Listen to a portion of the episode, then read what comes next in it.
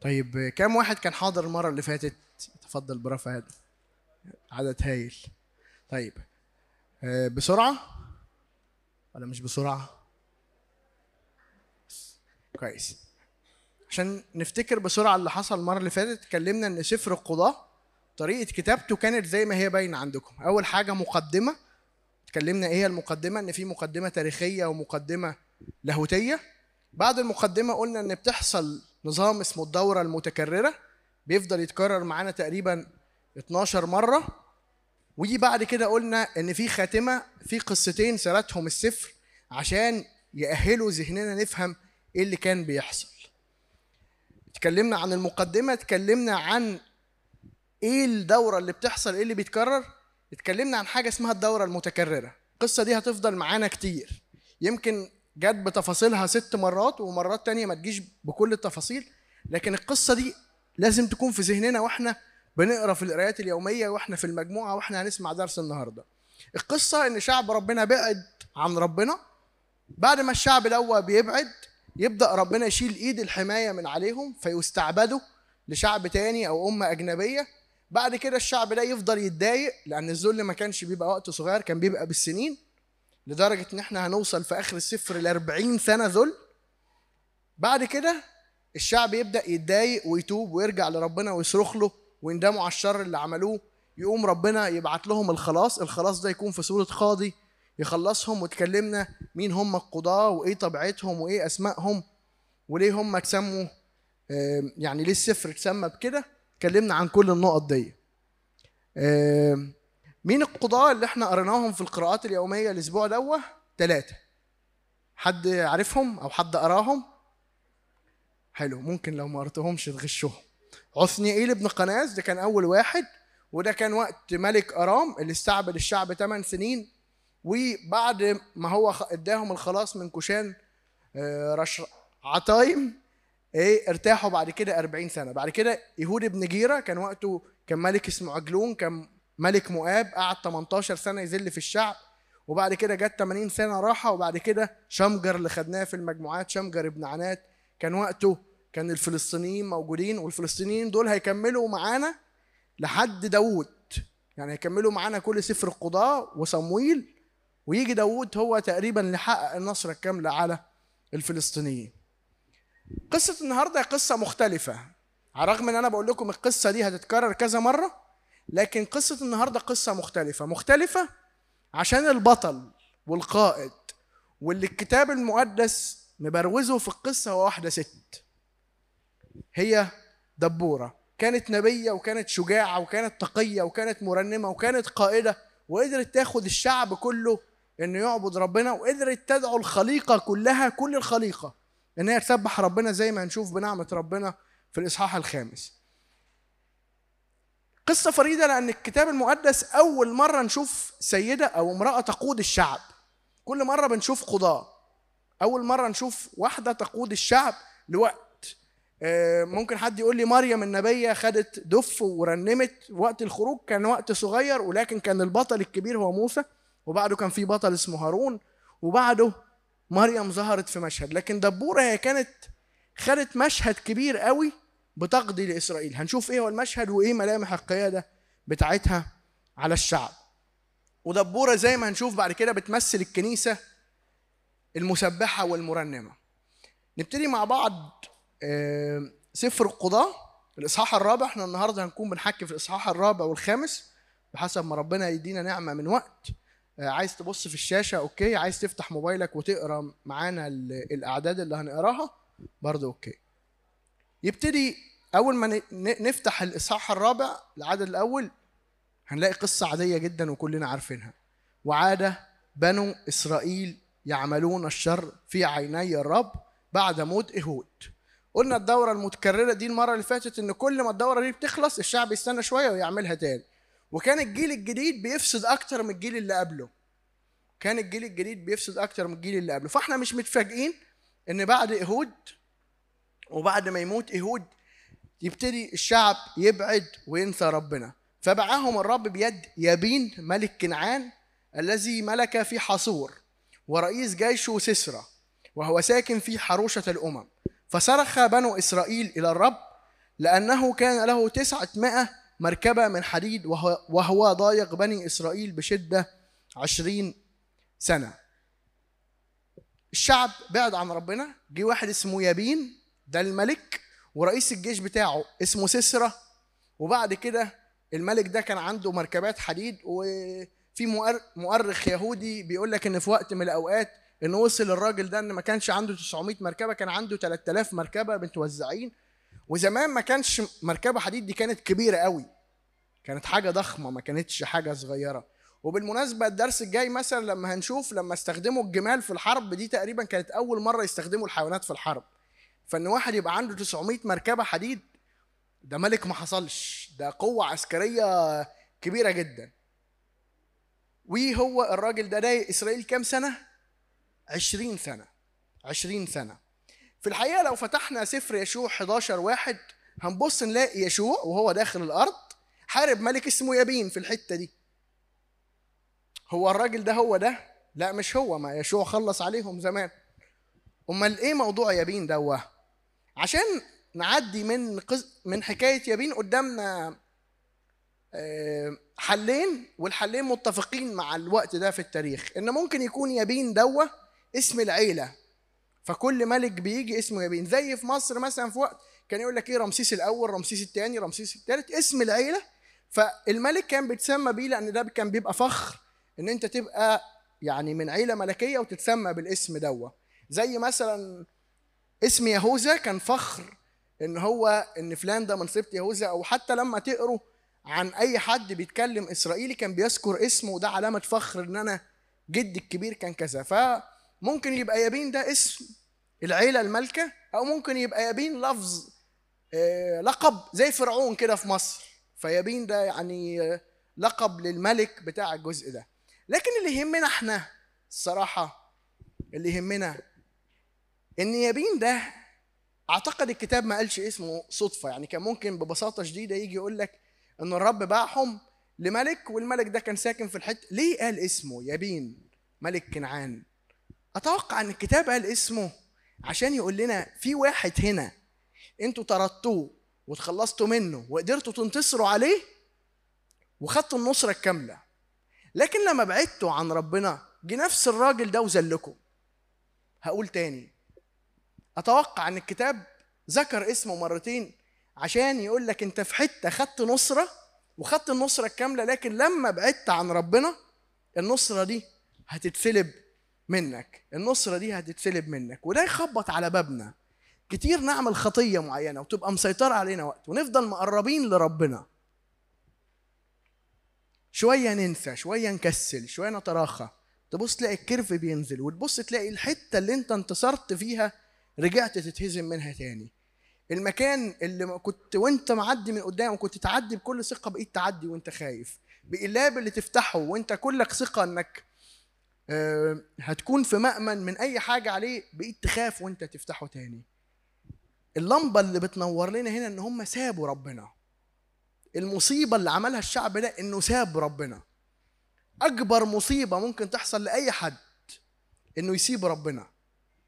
ويبدأ يعبد عبادات تانية. هنشوف الأنبا مقار قال إيه في في الجزء دوت فاكرين الرب يسوع كان في حديث فبيقول لهم لو خرج روح نجس من إنسان مش هيلاقي راحة ولا مية.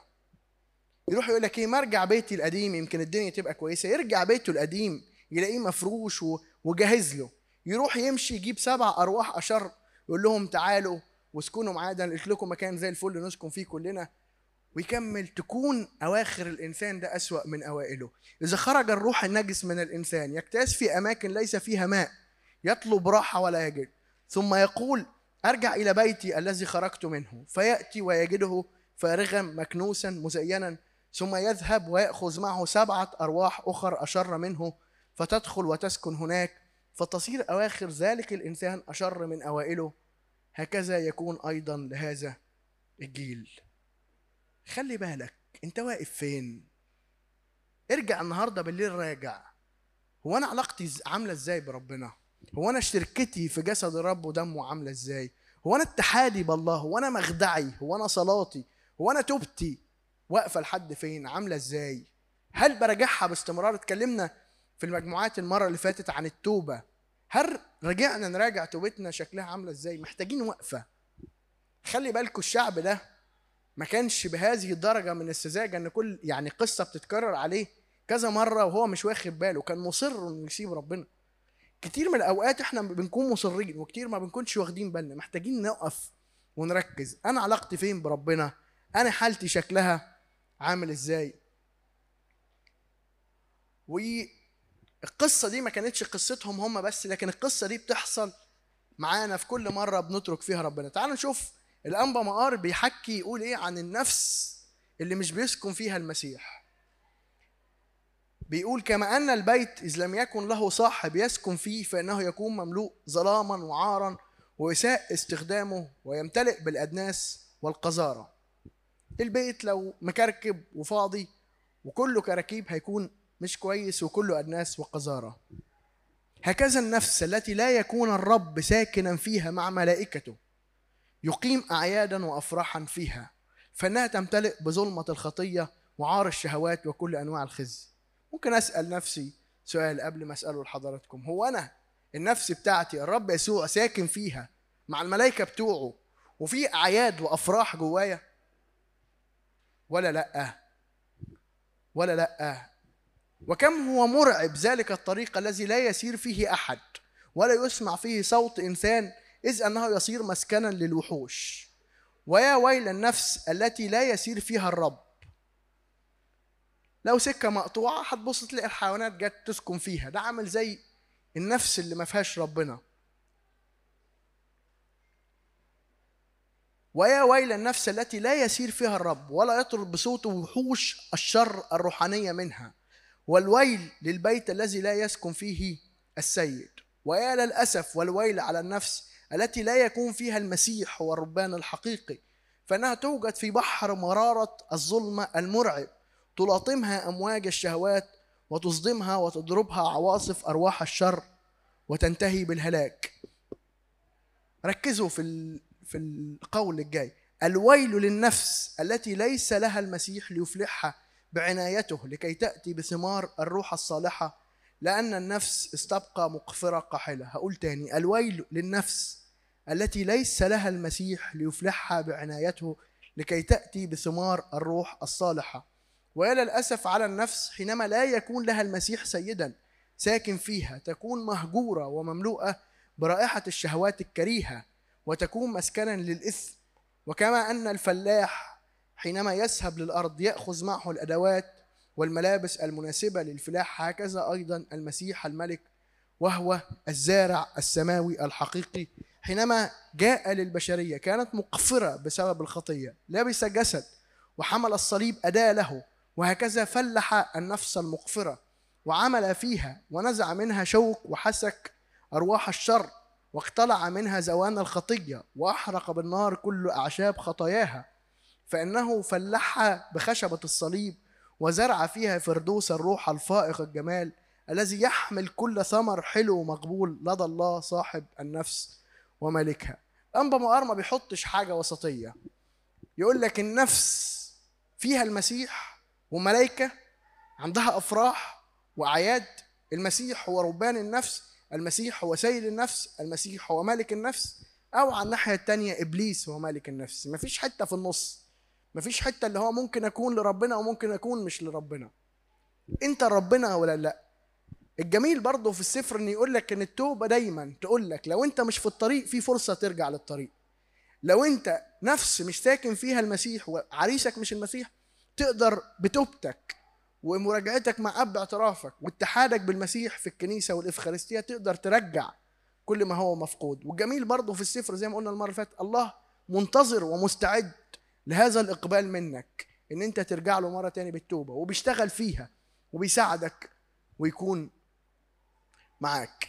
نكمل الأعداد من أربعة لعشرة بعد ما السفر يقول لنا المقدمة إن هم سابوا ربنا وعملوا الشر وجي ملك زلهم وبعد كده زلوا وصرخوا لربنا ده المشهد ال ال ال الغريب في السفر أو في في, في الإصحاح ده. ودبورة امرأة نبية زوجة لفيدوت أو لفيدوث هي قاضية إسرائيل في ذلك الوقت. وهي جالسة تحت نخلة دبورة بين الرامة وبيت إيل في جبل إفرايم. واضح كده إن كان في نخل في حتة كده بتقعد فيها دبورة؟ فيها نخلة فالناس سموا النخلة دي باسمها. النخلة دي اسمها نخلة دبورة. وكان بنو إسرائيل يصعدون إليها للقضاء. فأرسلت ودعت باراك بن أبي نوعم من قادش نفتالي وقالت وقالت له ألم يأمر الرب إله إسرائيل؟ اذهب وازحف إلى جبل تبور وخذ معك عشرة ألاف رجل من بني نفتالي ومن بني زبولون. فاجذب إليك إلى نهر. قيشون سسرى رئيس جيش يبين بمركباته وجمهوره وادفعه ليدك. واحدة قاعدة في الحتة دي اسمها دبورة. وبتحكم لبني إسرائيل وبتقضي لهم. تقضي لهم. فاكرين زمان موسى كان جاب سبعين شيخ عشان يساعدوه؟ في الأمور كتير. كانت بتشوف المنازعات بين بين الإخوات وبعض. وتحلها مش بشكل القاضي المدني لكن بشكل المشورة الناس كانوا بيستشيروها في أمورهم كانت بتحكم لهم قضاياهم كانت بتحكم ما بينهم. المهمة دي كانت صعبة على الرجال حتى زي ما هنشوف قدام. لكن دبورة كانت بتعمل المهمة بتاعتها بأكمل وجه. وراحت لما شافت الذل دوة فراحت دعت واحد اسمه مبارك قالت له ألم يأمر الرب؟ ألم يأمر الرب إله إسرائيل؟ كتير من الأوقات تبقى مغلوب. وموحول وواقع. افتكر دايما إن ربنا دعينا كلنا وخلقنا كلنا للنصرة. قول لنفسك ألم يأمر؟ ما قلتلوش ألم يرى الرب؟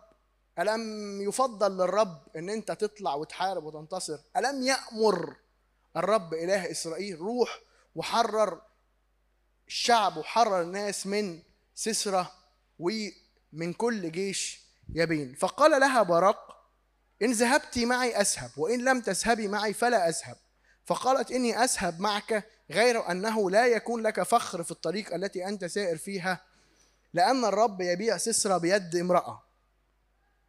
فقامت دبورة وذهبت مع باراك إلى قادش وراح باراك بعد كده دعا باراك زبولون نفتالي إلى قادش وصعد ومعه عشرة الآلاف رجل وصعدت دبورة معه. دبورة قالت له يلا مش ربنا أمر إن إحنا هنكسب يلا روح. وجمع عشرة آلاف واحد وروح انتصر. راح قال لها إيه؟ قال لها لو جيتي معايا يلا نروح كلنا. ولو ما جيتيش معايا أنا مش رايح. وهنتكلم في النقطة دي. هو ما كانش جبان على فكرة. فبعد كده راح الدبورة قالت له أنا هاجي معاك بس خلي بالك هيبقى في فخر وهيبقى في انتصار بس الفخر ده هيرجع لواحدة امرأة تاني. في فخر وفي انتصار لكن الفخر ده هيرجع لامرأة. حلها مفيش مشكلة. بعد كده يكمل الكتاب الآيات اللي لونها مختلف فقامت وذهبت معه ويكمل القصة وخدوا عشر تلاف راجل وطلعوا. كتير مننا لما يقرأ العهد القديم يقول لك في عنصرية جديدة ضد المرأة. بصدق المجتمع اليهودي كان مجتمع ذكوري. وكان الراجل دوميننت كده عن المرأة. لكن في أجزاء معينة تقف ضد الفكرة دي. هل الله عنصري تجاه يعني تجاه الستات أو مع الرجالة ضد المرأة؟ إطلاقا. الإصحاحين دول الرابع والخامس من سفر القضاء يقفوا قدام أي حد يجي يقول إن في عنصرية ضد المرأة في العهد القديم. شوفوا النصر والتسبحة. متخيلين إن دبورة دي عملت نشيد وبتقول كل الناس تعالوا رنموا معايا؟ وبتمجد فيه واحدة اسمها يعيل. هنشوفها قدام. تعالوا كلكم سبحوا معايا. ربنا وتعالوا كلنا نقول متشكرين ليعيل ما كانش فيه عنصرية في العهد القديم. والله مش متحيز لجنس دون آخر. والله مش متحيز لجنس دون آخر. دبورة ويعيل كانوا بيشاوروا على الكنيسة في نصرتها على إبليس وقوات الشر وكانوا بياخدوا معاهم شعب ربنا كله للنصرة الحقيقية في شخص الرب يسوع. في واحد اسمه باري ويب ده من اللاهوتيين الحداث يعني الجداد. بأول ما قرأ الشاهد ده قال لك إيه؟ أن تركز في البداية على امرأة أمرا مثيرا جدا للدهشة. هنلاقي غياب تام للمرأة في قصة عثنائيل وإيهود. ولكن هنا نجدها تشغل منصب السلطة والاخذ والأخذ بزمام الأمور. فظهورها قبل البطل الذكر اللي هو براك يعطينا تلميحا موضوعيا أننا أمام قصة فريدة من طبعها. كون إن أنت تقرأ كتاب كتب واحد يهودي من المجتمع اللي, اللي عنده فكر ذكوري وتبص تلاقيه حاطط لك في أول مشهد واحدة ست وتبص تلاقيه حاططها قبل اسم الراجل الموضوع ده مثير جدا للاهتمام. دبورة كان معنى اسمها نحلة وصفها الكتاب بأنها نبية. نبية. من المميز كمان في دبورة مش بس إنها كانت بتقضي لإسرائيل الوحيدة من بين كل القضاة اللي هنشوف قصتهم في السفر اللي ذكر الكتاب إنها نبية. يعني ما شفناش ولا واحد هي ما فيش غيرها قاضية لكن ما شفناش ولا واحد من اللي قبلها ولا اللي بعدها هيقول إن الكتاب إن كان في واحد اسمه جدعون كان نبي واحد اسمه شمشون كان نبي. ما فيش ولا واحد من القضاة اللي ذكروا في سفر القضاة أطلق عليه لفظ أو صفة نبي غير دبورة. اللقب ده جه على ناس قبلها وناس بعدها. في العهد القديم عندنا مريم أخت هارون خلدة امرأة شيلوم وزوجة أشعياء النبي وكان في نبية كذابة وفي العهد الجديد كان على حنة أو حنة بنت فنوئيل وزي ما قلنا مفيش حد ذكر غيرها باللقب نبي. كان دورها كنبية إن هي مش بس تقول للناس إن في حاجات مستقبلة هتحصل لكن النبي ده بياخد فكر الله وبيقدمه للناس مش بس إن هو يشوف أمور مستقبلية. إحنا المفروض كلنا لما ندخل المعمودية ونطلع هنطلع من ضمن المكتسبات اللي خدناها في الطبيعة الجديدة إن إحنا نكون أنبياء. يعني إيه نبي؟ يعني واحد بيقدر يعرف مشورة ربنا يعرف إيه يفهم إرادة ربنا فكر ربنا ويقوله للناس. مش بس إن هي كانت بتعرف أحداث مستقبلة ويمكن ده النغمة القوية في العهد القديم أو النبوة في العهد القديم لكن كانت بتقدر تعرف مشيئة ربنا. وإزاي كانت بت بت بتفصل في المنازعات كقضية. لقب نبية في اللغة اللاتينية اسمه vates أو vates. ده كان بي بيطلق على ناس عندهم موهبتين موهبة شعرية حد بيعرف ينشد شعر حلو وموهبة النبوة وإزاي دبورة كان عندها الموهبتين بجزء كبير. كون إن واحدة امرأة تقود شعب ربنا ده هنلاقيه مرتين في العهد القديم. مرة أيام دبورة إن هي كانت قائدة ومرة تاني أيام واحدة اسمها عسلية أو عسلية بنت عمري. دي ملكة وكانت ما كانتش قصتها أحسن حاجة ودي كانت فينيقية. زوجها اللي هو لافيدوت أو لافيدوث ده معناه مصباح أو مشعل حاجة منورة يعني. ودي كلمة جمع. دي كلمة جمع التقليد الربي أو اليهود يعني في تفسيرهم للكتاب المقدس كانوا بيقولوا إن باراك هو ابنها إن باراك هو زوجها وبراك يعني جاي من عارفين البرق والرعد جاي من اسمه. براك جاي من البرق برضه شبه النور فهو كان ليه زي اسمين وهو زوجها. قديس أمبروسيوس كان شايف إن هي أرملة واني براك دوا ابنها وإن براك دوا ابنها. وبيقول لك إن هي اتسمت ونسبت لجوزها اليهود. عشان هي كانت بتنور الشموع في خيمة الاجتماع فده ألهبها نيران وألهبها إنها تخلق شرارات وتحمس الناس وما إلى ذلك. دايما اليهود في تفسيرهم بيبقوا مبالغين شوية. من الملفت برضه والجميل لما هي قالت براك قال لها إن ذهبت معي أذهب وإن لم تذهبي فلا أذهب. براك ده ما كانش جبان زي ما قلت لكم ما كانش خايف وما كانش ما كانتش دبورة دي اللي عندها فكر استراتيجي في الحرب واللي هي مسكت سيف ورمح وضربت وحربت وكده. لكن براك كان مؤمن إن دبورة تحمل حضور الله. فأنا عشان أحارب وانتصر لازم آخد ربنا معايا.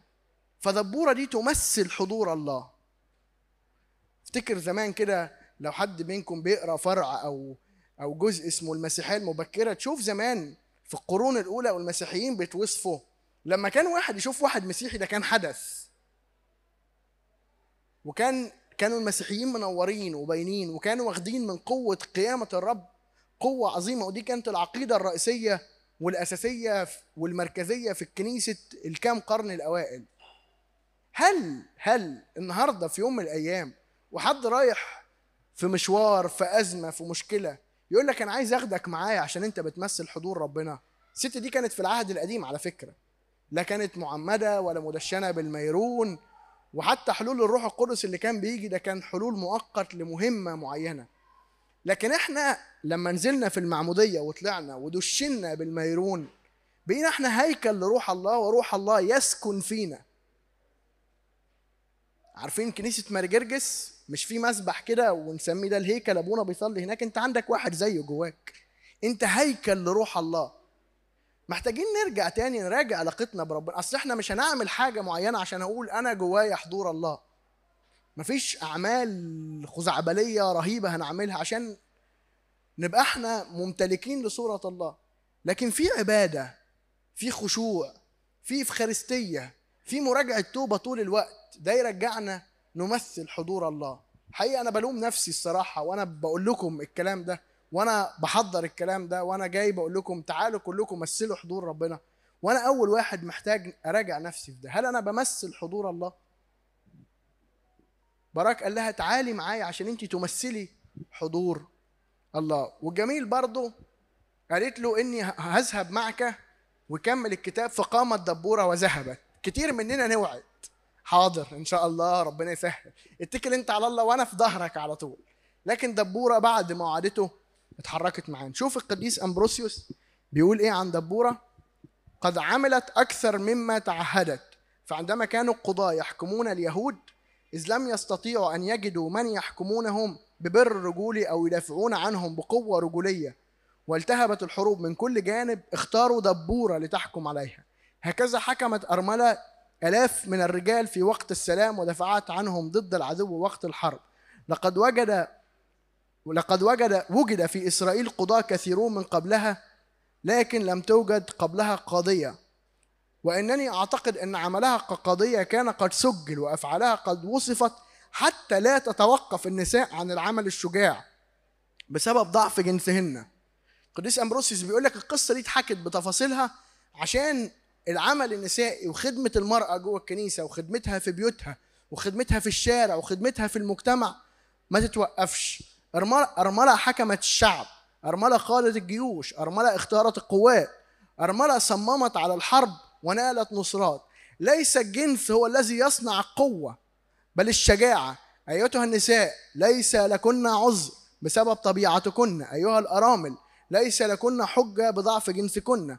لا تنسبن تغييركن فقدانكن عون الزوج. فلكل إنسان حماية كافية إن كانت نفسه لا تعوزها الشجاعة. هنشوف بسرعة إزاي كانت دبورة بتشاور على الكنيسة. أول حاجة اسمها كان نحلة وفي نشيد الأنشاد نلاقي الكنيسة مذكور عنها شفت شفتاك يا عروس تقطران شهدا تحت لسانك عسل ولبن.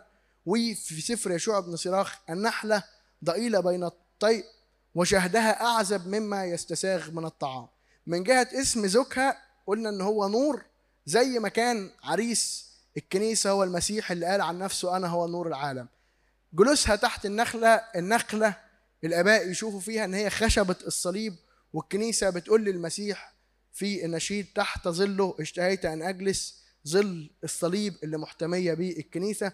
كمان دبورة حست براك إنه ياخد خطوة وإنه يتقدم للحرب فيحصل خلاص للشعب كله زي الكنيسة اللي بتحس دايما ولادها على الجهاد الروحي ضد إبليس وبالتالي تيجي النصرة لشعب ربنا. نمشي بسرعة في الإصحاح الرابع من 11 ل 24 كمالة الإصحاح. وحابر القيني من بني حباب حمي موسى خيم حتى بلوطة البلوطة في صعنايم التي عند قادش وأخبروا سسرى بأنه قد صعد براق بن أبي نعم إلى جبل تبور فدعا سسرى جميع مركباته 900 مركبة من حديد وجميع الشعب الذين معه من حروشة الأمم إلى نهر قيشون. فقالت دبورة لبراك قم لأن الرب لأن هذا هو اليوم الذي دفع فيها الرب. سسرى ليدك ألم يخرج الرب قدامك؟ هتبتدي الحرب في واحد اسمه حابر القيني جاب أخبار الشعب بتاع بني إسرائيل وراح نقلها لسسرى رئيس الجيش وهنبتدي نشوف المشهد بيعد للحرب نزل باراك من جبل طابور ووراه العشر تلاف رجل فانزع فأزعج الرب سسرى وكل المركبات وكل الجيش بحد السيف أمام باراك فنزل سسرى عن المركبة وهرب على على رجليه. الجيش كله انهزم ما عدا القائد بتاعه اللي اسمه سسرى هرب على رجله وتبع براك المركبات والجيش إلى حروشة وسقط كل جيش سسرى بحد السيف فلم يبقى ولا واحد. براك يمشي وراهم يتتبعهم كلهم. أما سسرى فهرب على رجليه إلى خيمة يعيل امرأة حابر القيني لأنه كان صلح بين يبين ملك حصور وبيت حابر القيني. وصل فضل يمشي لحد ما وصل على الخيمة بتاعت حابر القيني دوة. وبعد كده دار الحديث دوة إذ باراك يطارد سسرة فخرجت يعيل لاستقباله يعيل دي امرأة حابر وقالت له تعال فأريك الرجل الذي أنت طالبه. في جزء في جزء ممسوح.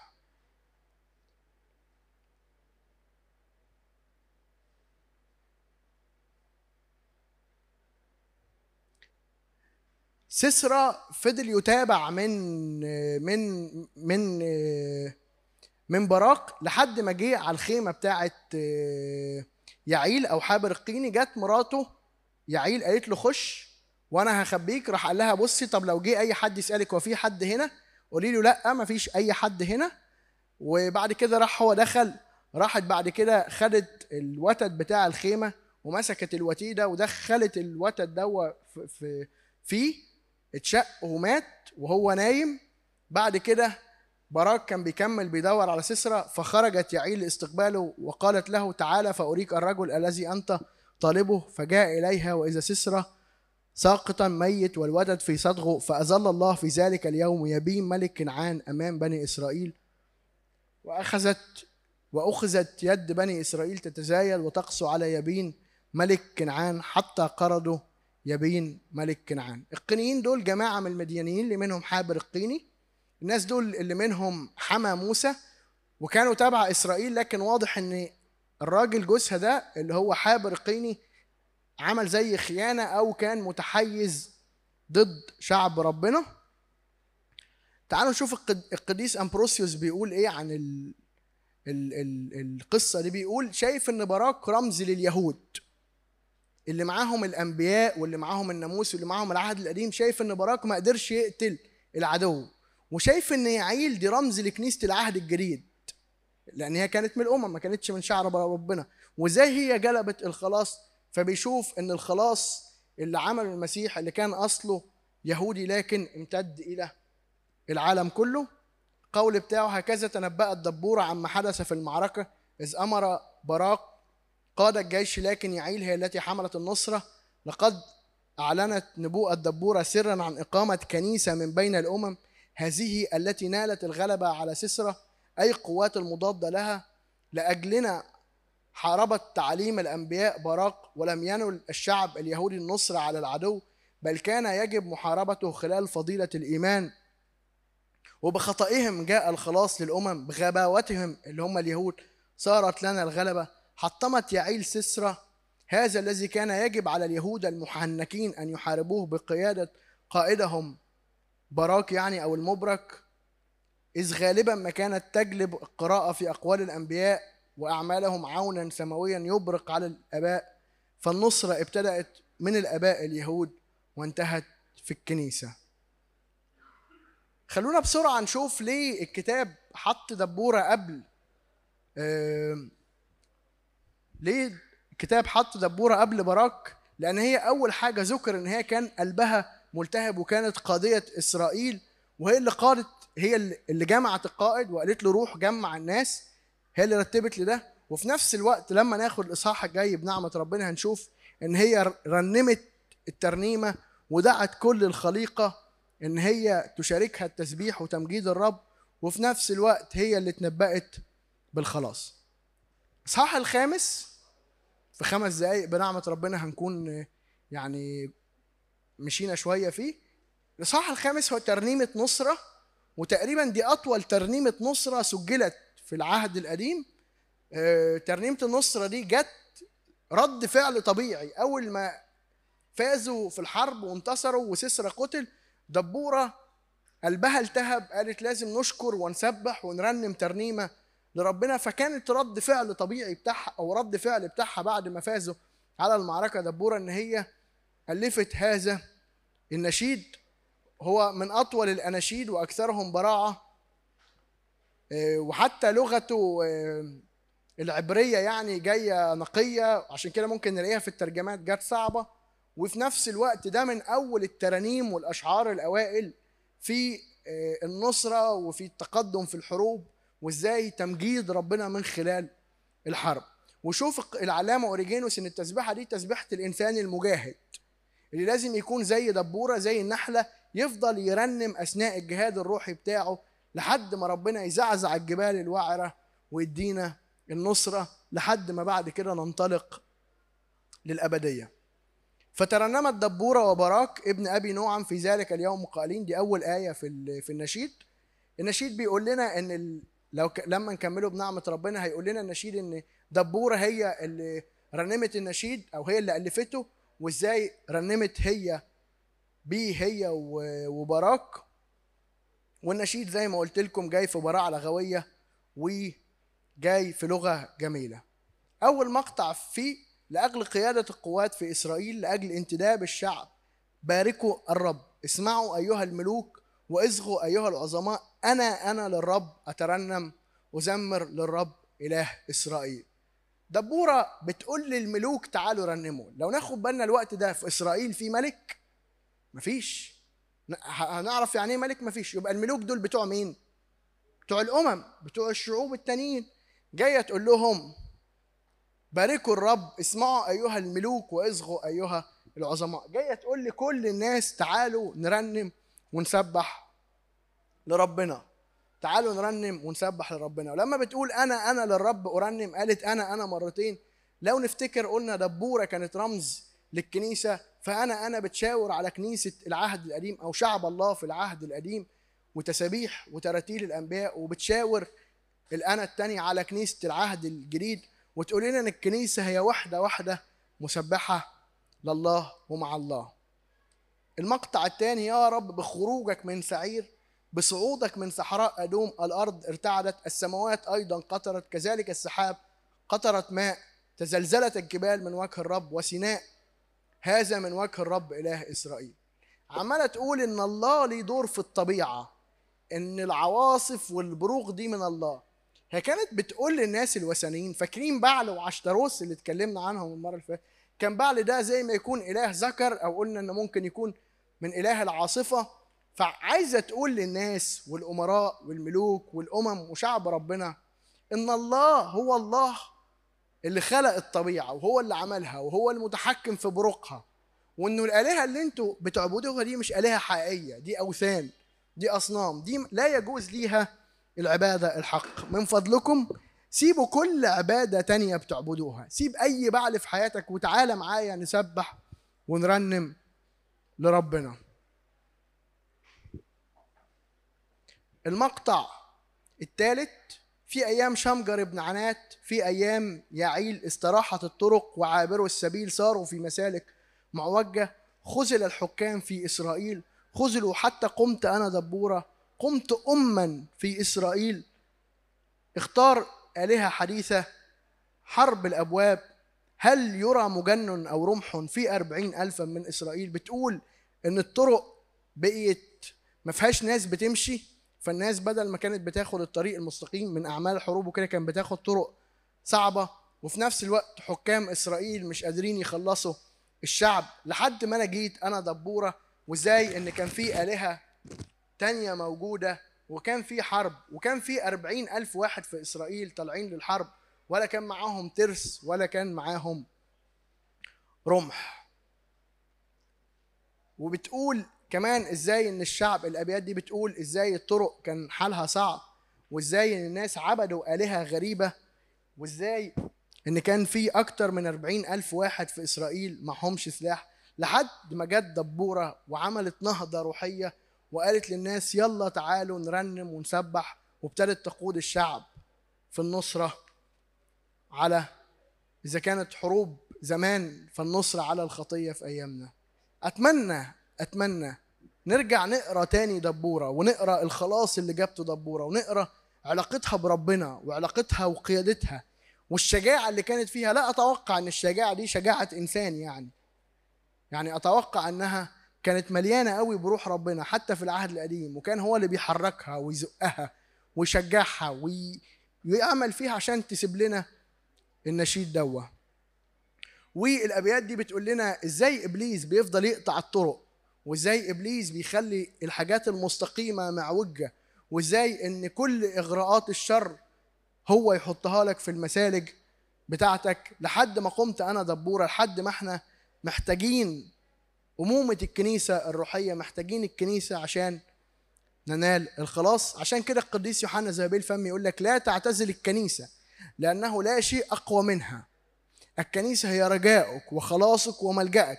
إنها أعلى من السماء وأوسع من المسكونة أنها لن تشيخ بل هي دائما في كامل حيويتها.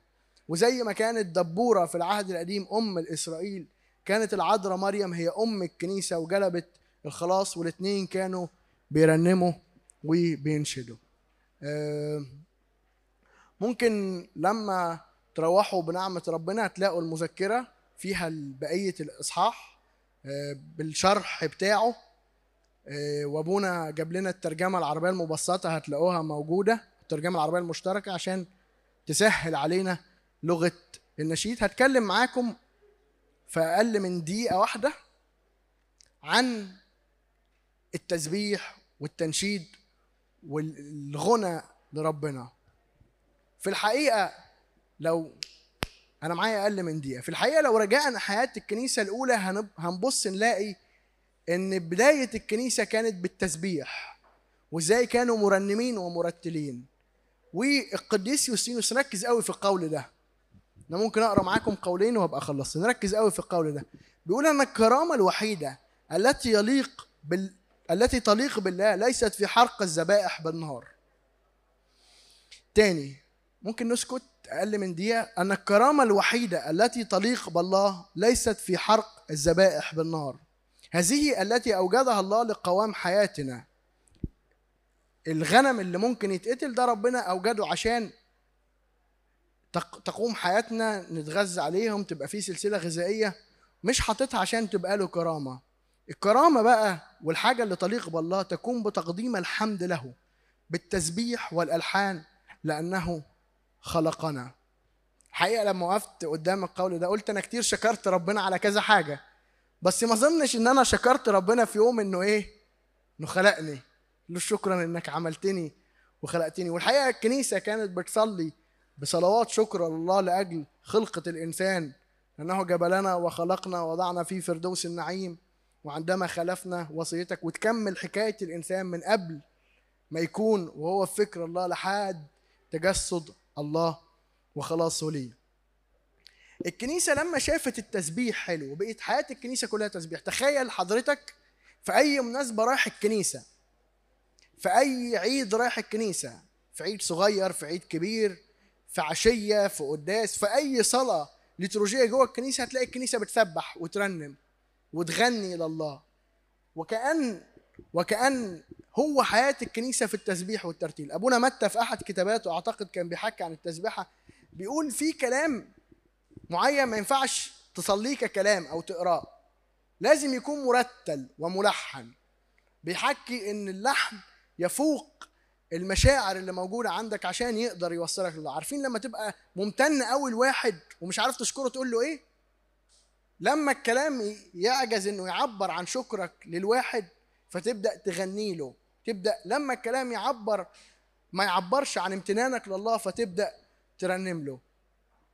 آخر حاجة أختم لكم بيها قول لأبونا متى المسكين التسبيح في الكنيسة حينما يمارس كخدمة إلهية وصلاة يتحقق فيه عمل الروح القدس بصورة عملية فائقة.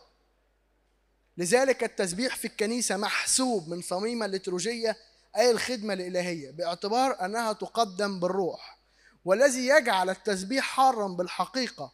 وملتهبا بالروح في الكنيسة هو حضور المسيح غير المنظور في وسط المسبحين.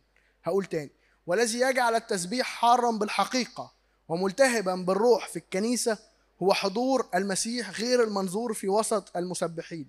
والذي يمهد بعد ذلك لحضوره المنظور وسط الكنيسة معلنا في سر الخبز والخمر على المذبح الكنيسة بتفضل تصلي في القداس وترتل وفي العشية وهي بتقول المسيح حاضر وسطينا وإحنا مش شايفينه وبنرنم له. ولما نفضل نصلي ونرنم وروحنا تتواصل مع الله نؤهل إن إحنا نشوف المسيح المنظور في الخبز اللي هيتحول لجسد الرب وفي عصير الكرمة اللي بيتحول لدم الرب ونحصل عليهم ونبقى إزاي التسبيح وصلنا إن إحنا نسبح أو ننتقل من تسبيح المسيح غير المنظور لشركة المسيح المنظور وشركة الكنيسة كلها. لإلهنا كل مجد وكرامة في كنيسته من الآن والأبد. آمين.